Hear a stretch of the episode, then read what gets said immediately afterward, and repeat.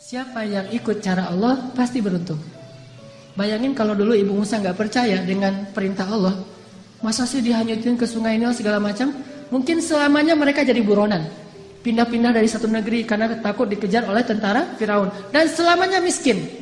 Tapi karena dia ikut cara Allah, wa may yattaqillaha yaj'al lahu makhraja wa yarzuqhu min haitsu la.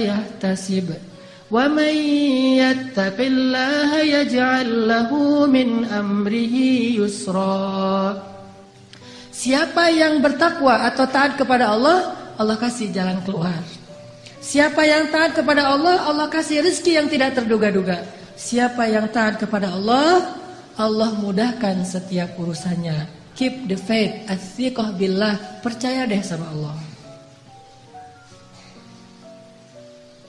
Nggak ada modal Ustadz. Pengen nikah ada Allah. Sehingga pas datang ngelamar ada apa dek? Ini pak saya mau melamar putri bapak. Memang adik punya modal apa? Allah. Wah itu berat tuh. Nolaknya juga berat. Waduh ini pakai bau-bau Allah lagi gitu kan ya?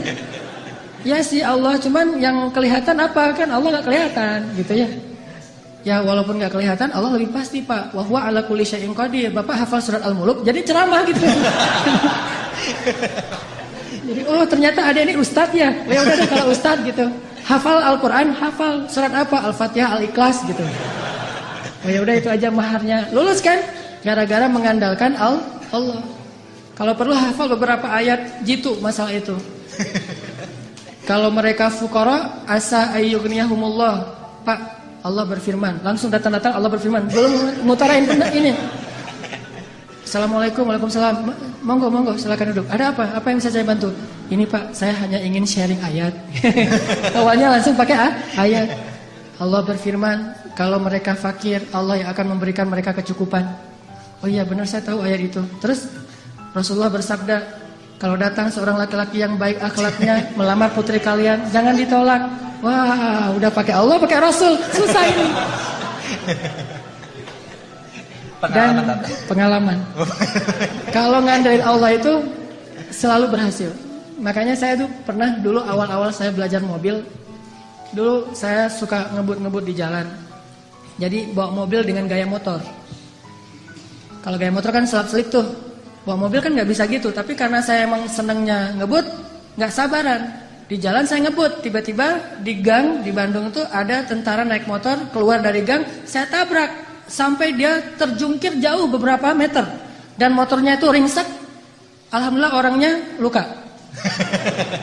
Nggak meninggal maksudnya, luka. Lalu dia pakai baju dinas kan? Alhamdulillah saya juga pakai baju dinas, dinas ustadz. Pakai jubah, pakai sorban, saya mah dulu setelah saya konsen dakwah di anak muda, di anak geng motor, baru saya mencocokkan penampilan saya dengan dunia anak muda. Dulu jubahan, sorbanan, baju dinas. Dia juga baju di dinas, jadi sesama lagi dinas nih. Pas dia awalnya warna wajah, wajahnya udah merah mau marah, saya keluar dari mobil ngelihat wajah saya, ah ini kiai kualat nih kalau saya macam-macam. Akhirnya dia terpaksa kalem aja. Aduh maaf saya nggak sengaja ngelihat tiba-tiba keluar dari gang. Oh ya nggak apa-apa, saya mah dinas di situ di Baros itu salah satu apa kantornya di Baros saya dinas. Ya saya juga lagi dinas ke masjid, mau ngajar ada pengajian sore ini. Oh ya udah nggak apa-apa Pak Ustadz nggak apa-apa gitu. Udah aja. Ini gimana nih motornya? Enggak gampang nanti saya suruh orang untuk ngambil motornya. Udah alhamdulillah saya ganti rugi dia nggak mau selamat. Kenapa? Pertama mungkin ya karena Allah uh, masih ingin menyelamatkan saya dari suatu musibah bukan karena kebaikan saya tapi karena ke kemahaagungan Allah. Dan di sisi lain mungkin salah satu eh, rahasianya saya baca doa safar sebelum keluar. Soalnya ketika saya beli mobil saya nggak mau pakai asuransi. Sehingga karena nggak pakai asuransi doa safarnya lebih serius. Kalau pakai asuransi kan ah tenang ada asuransi. Tapi kalau nggak ada asuransi ah ada Allah. Berarti doa safarnya yang panjang Bismillahirrahmanirrahim. Wa mursaha. Bismillahirrahmanirrahim. Subhanallah sakharolana Panjang, setengah jam doa safar doang. Kenapa? Ya Allah, ini mah gak ada asuransi gitu. Jadi karena gak ada asuransi Doanya lebih seri, serius. Kalau ada asuransi, ah ada TLO Ada all risk kan gampang. Ntar tinggal diklaim. Intinya karena ngandelin Allah Allah mudahkan urusannya. Selalu kayak gitu. Kalau melakukan sesuatu karena Allah, selalu Allah mudahkan. Tapi kalau kita tidak melibatkan Allah, bara'atum minallah. Allah berlepas tangan. Dan kalau Allah berlepas tangan, siapa lagi yang bisa memudahkan selain Allah Subhanahu wa taala? Libatkan Allah. Ada seorang sahabat datang ke Nabi, dia bilang gini, "Ya Rasulullah, anak saya ditawan sama musuh." Ternyata anak dia itu ikut berjihad dan ketangkap sama musuh ditawan. Dan musuh minta tebusan sekian ratus dinar, kalau nggak ditebus akan dibunuh. Dan waktu itu sahabat-sahabat yang kaya banyak yang lagi di luar kota juga lagi diutus untuk dakwah dan jihad. Sehingga tidak ada sahabat yang bisa membantu laki-laki ini. Rasulullah juga nggak punya apa-apa, nggak punya harta. Dia datang kepada Rasulullah, ya Rasulullah, anak saya ditawan, minta sekian ratus dinar. Kalau saya nggak menebus, Nanti anak saya akan dibunuh. Gimana ini ya Rasulullah? Dia hanya memberi waktu saya satu hari sampai besok. Kemudian Rasulullah mengatakan, ya uh, apa? Wahai bapak, ya Syekh, perbanyaklah mengatakan la haula wala quwata illa billah. Oh gitu? Ya Rasulullah? Ya gitu.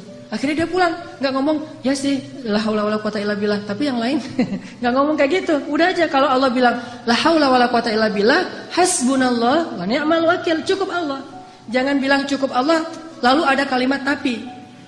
Hasbunallah sih, cuman nah ini nggak hasbunallah karena hasbuna itu tidak ada cuman. Oh gitu ya Rasulullah, gitu. Udah dia pulang, la haula wala quwata illa billah, la haula wala quwata illa billah. Sampai di rumah istri nanya, "Pak, gimana tadi sama Rasulullah udah dapat belum pinjaman untuk menebus anak kita?" "Udah dapat, Mah. Ini luar biasa." "Apa?" "La haula wala quwata illa billah." "Oh gitu, la haula wala quwata illa billah." Berdua tuh, suami istri soleh soleha, sama-sama athiqah billah, sangat keep the faith.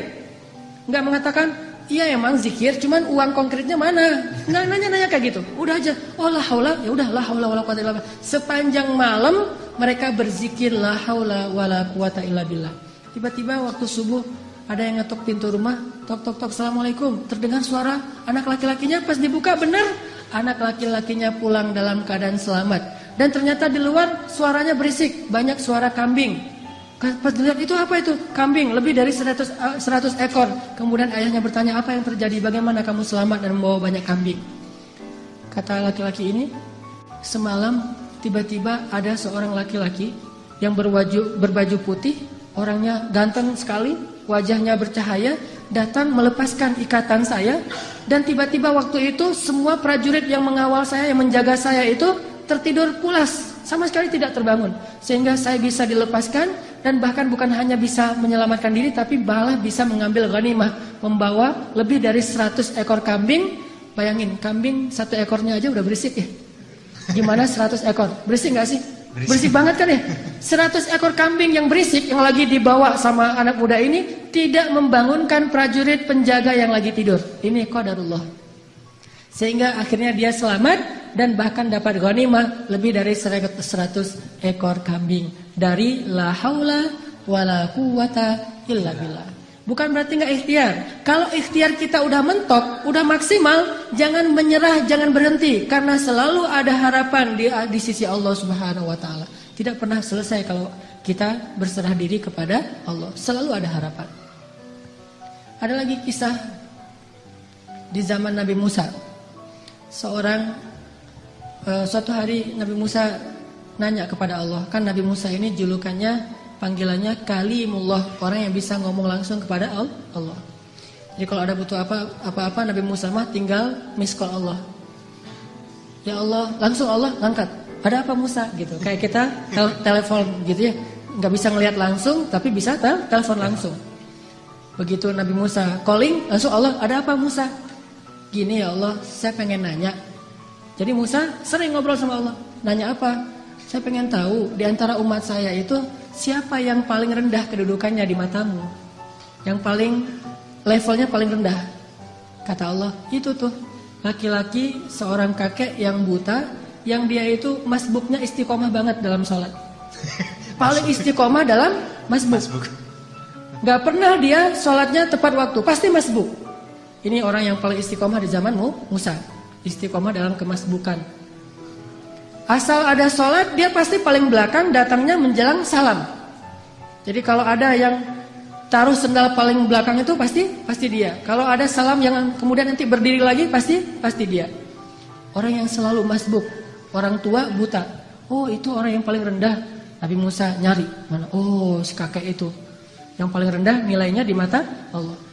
Setiap hari dilihat dia masbuk, masbuk, masbuk sampai suatu hari ketika selesai sholat orang itu udah nggak ada.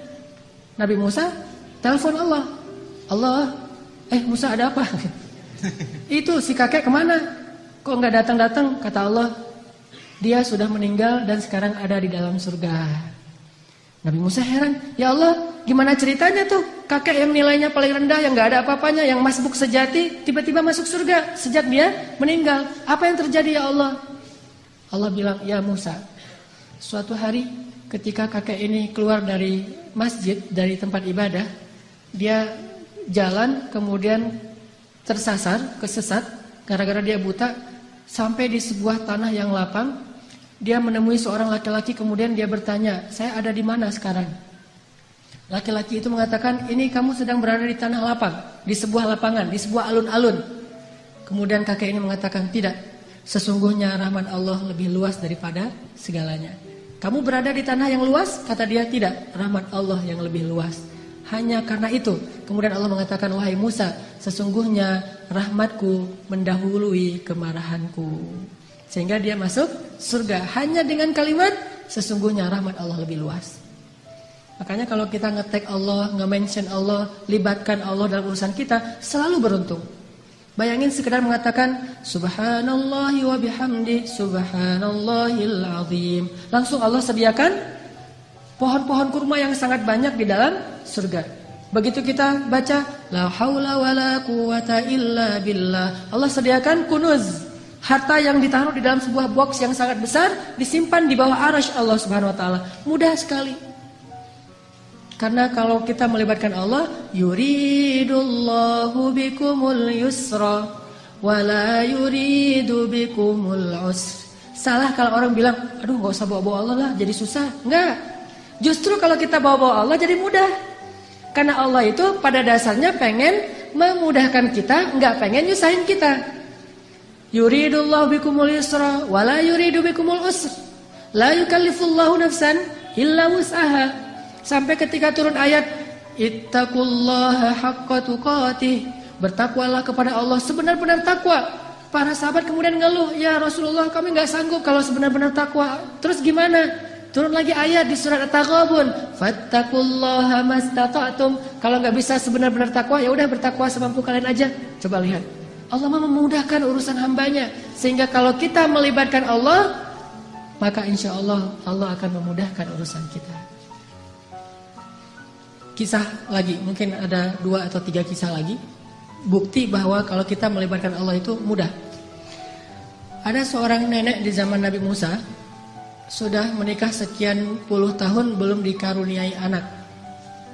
Datang kepada Nabi Musa. Ya Nabi Allah, ada apa nek? Saya mau minta tolong. Ya, saya itu udah nikah sekian tahun tapi belum dikaruniai anak. Sedangkan engkau bisa bicara langsung dengan Allah. Boleh nggak saya minta tolong? Minta dong ke Allah, ya Allah beri saya satu orang anak saja. Oh, baik nek, nggih gitu kata Nabi Musa. Telepon. Ya Allah, Allah bilang ada apa Musa? Ini nih, ada nenek-nenek minta diberikan anak satu orang aja katanya karena dia tidak punya keturunan. Apa kata Allah? Ya Musa, bilang kepada nenek itu bahwa takdirnya dia tidak akan punya anak. Itu sudah takdir. Kemudian Nabi Musa bilang, "Nek, sabar ya." Kata Allah, "Oh ya, ya udah ada jawaban dari Allah, udah ada. Gimana jawabannya? Takdir nenek mah nggak akan punya anak." Oh gitu, ya sudah Assalamualaikum, Waalaikumsalam. Pulang. Sepanjang jalan sampai di rumah dia mengatakan Ya Rahim, Ya Rahim. Memang takdir saya tidak akan punya anak Tetapi engkau maha Rahim. Beri saya anak, Ya Rahim. Jadi dia ngeyel gitu. Terus saja minta sama Allah dengan bahasa yang lembut Ya Rahim, Ya Rahim Besok datang lagi ketemu Nabi Musa Assalamualaikum, Waalaikumsalam Eh nenek yang kemarin Ada apa nek gitu Sama Nabi Musa masih yang kemarin gitu Apaan? minta dong ke Allah lagi supaya dikasih anak. Lah kan udah kemarin katanya takdirnya gak akan punya anak. Nah siapa tahu sekarang berubah. ini nenek nih. Sikoh billah yakin banget sama Allah. karena nggak mau ngecewain walaupun Nabi Musa juga udah tahu takdirnya kayak gitu, ya udah Nabi Musa telepon lagi, "Ya Allah, ini si nenek yang kemarin." "Oh ya Musa, jawab aja kayak kemarin." oh, dia nggak akan punya anak. Nek, saya bilang juga apa? Takdirnya nenek nggak akan punya anak. Udah bersabar aja. Oh gitu ya. Ya udah, assalamualaikum, waalaikumsalam. Ya Rahim, ya Rahim. Terus aja gitu. Datang lagi. Nenek yang sama, Nek, sama jawabannya. Belum ngomong juga udah dikasih tahu aja jawaban. Tapi kata nenek, coba minta lagi. Mudah-mudahan Allah udah mau ngasih sekarang. Ya Allah, nenek yang nenek kemarin datang lagi. Wahai Musa, takdirnya nggak akan punya anak. Nek, memang udah takdirnya kayak gitu. Sabar aja. Gimana tuh caranya, Nek? Udah takdir Allah nggak akan bisa dirubah? Oh gitu. Ya Rahim, ya Rahim. Pulang terus. Setelah sekian lama nggak datang-datang. Setelah beberapa bulan akhirnya dia datang bawa bayi. Gendong bayi datang ke Nabi Musa. Assalamualaikum gitu. Ah, waalaikumsalam. Nenek yang yang dulu Ya, terus itu siapa? Anak. Anak siapa? Anak saya. Hah? Ya Allah, ini ceritanya gimana nih? Kok bisa nih nenek punya anak? Nabi Musa nelfon Allah. Gimana nih ceritanya nenek yang takdirnya nggak bakalan punya anak tiba-tiba bawa bayi? Kata Allah, ya Musa. Setiap kali saya bilang takdirnya nggak punya anak, dia bilang ya Rahim, ya Rahim. Dibilang lagi nggak punya anak, dia bilang ya Rahim, ya Rahim. Wahai Musa, ketahuilah sesungguhnya rahmat saya mendahului takdir. Sehingga dengan rahmat Allah, Allah mengubah takdir nenek ini yang tadi nggak punya anak jadi punya anak. Kalau kita baca hadis-hadis Nabi tentang kisah-kisah para ambia itu luar biasa.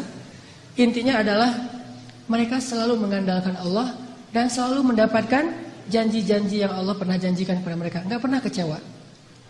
Mungkin cerita terakhir yang sangat populer itu adalah cerita Siti Hajar. Ini bagi saya menakjubkan banget nih ceritanya. Nabi Ibrahim bawa Siti Hajar dari Palestina ke Mekah melintasi gurun pasir hanya bertiga saja. Ibrahim, Hajar, Ismail kecil. Karena Allah memerintahkan Ibrahim bawa keluargamu ke sebuah biwadin ghairi zar kepada sebuah lembah yang tidak ada kehidupan di sana, bawa ke sana. Di Bakkah yang kemudian namanya menjadi Mekah. Akhirnya Ibrahim bilang ke Hajar, Hajar, yuk kita hijrah gitu. Hijrah ke mana mas? Hajar nggak nanya-nanya hijrah ke mana? Udah aja, oh hijrah ya sami'na wa. Di bawah gitu jalan kaki melintasi padang pasir. Berhenti sebentar di rest area, makan, minum seadanya, lanjut lagi. Nggak pernah nanya, mas ini ke mana sih kok nggak sampai-sampai? Nggak pernah Hajar nanya kayak gitu. Atau nggak pernah juga dia bilang, mas turunin saya aja di mall itu nanti dijemput lagi. Nggak ngomong nurunin di mall mana, di rest area mana, di masjid mana, ntar kalau udah beres urusannya baru jemput lagi nggak? Sami'na wa ta'na. Ini istri soleha banget. Ikut aja gimana kata suami.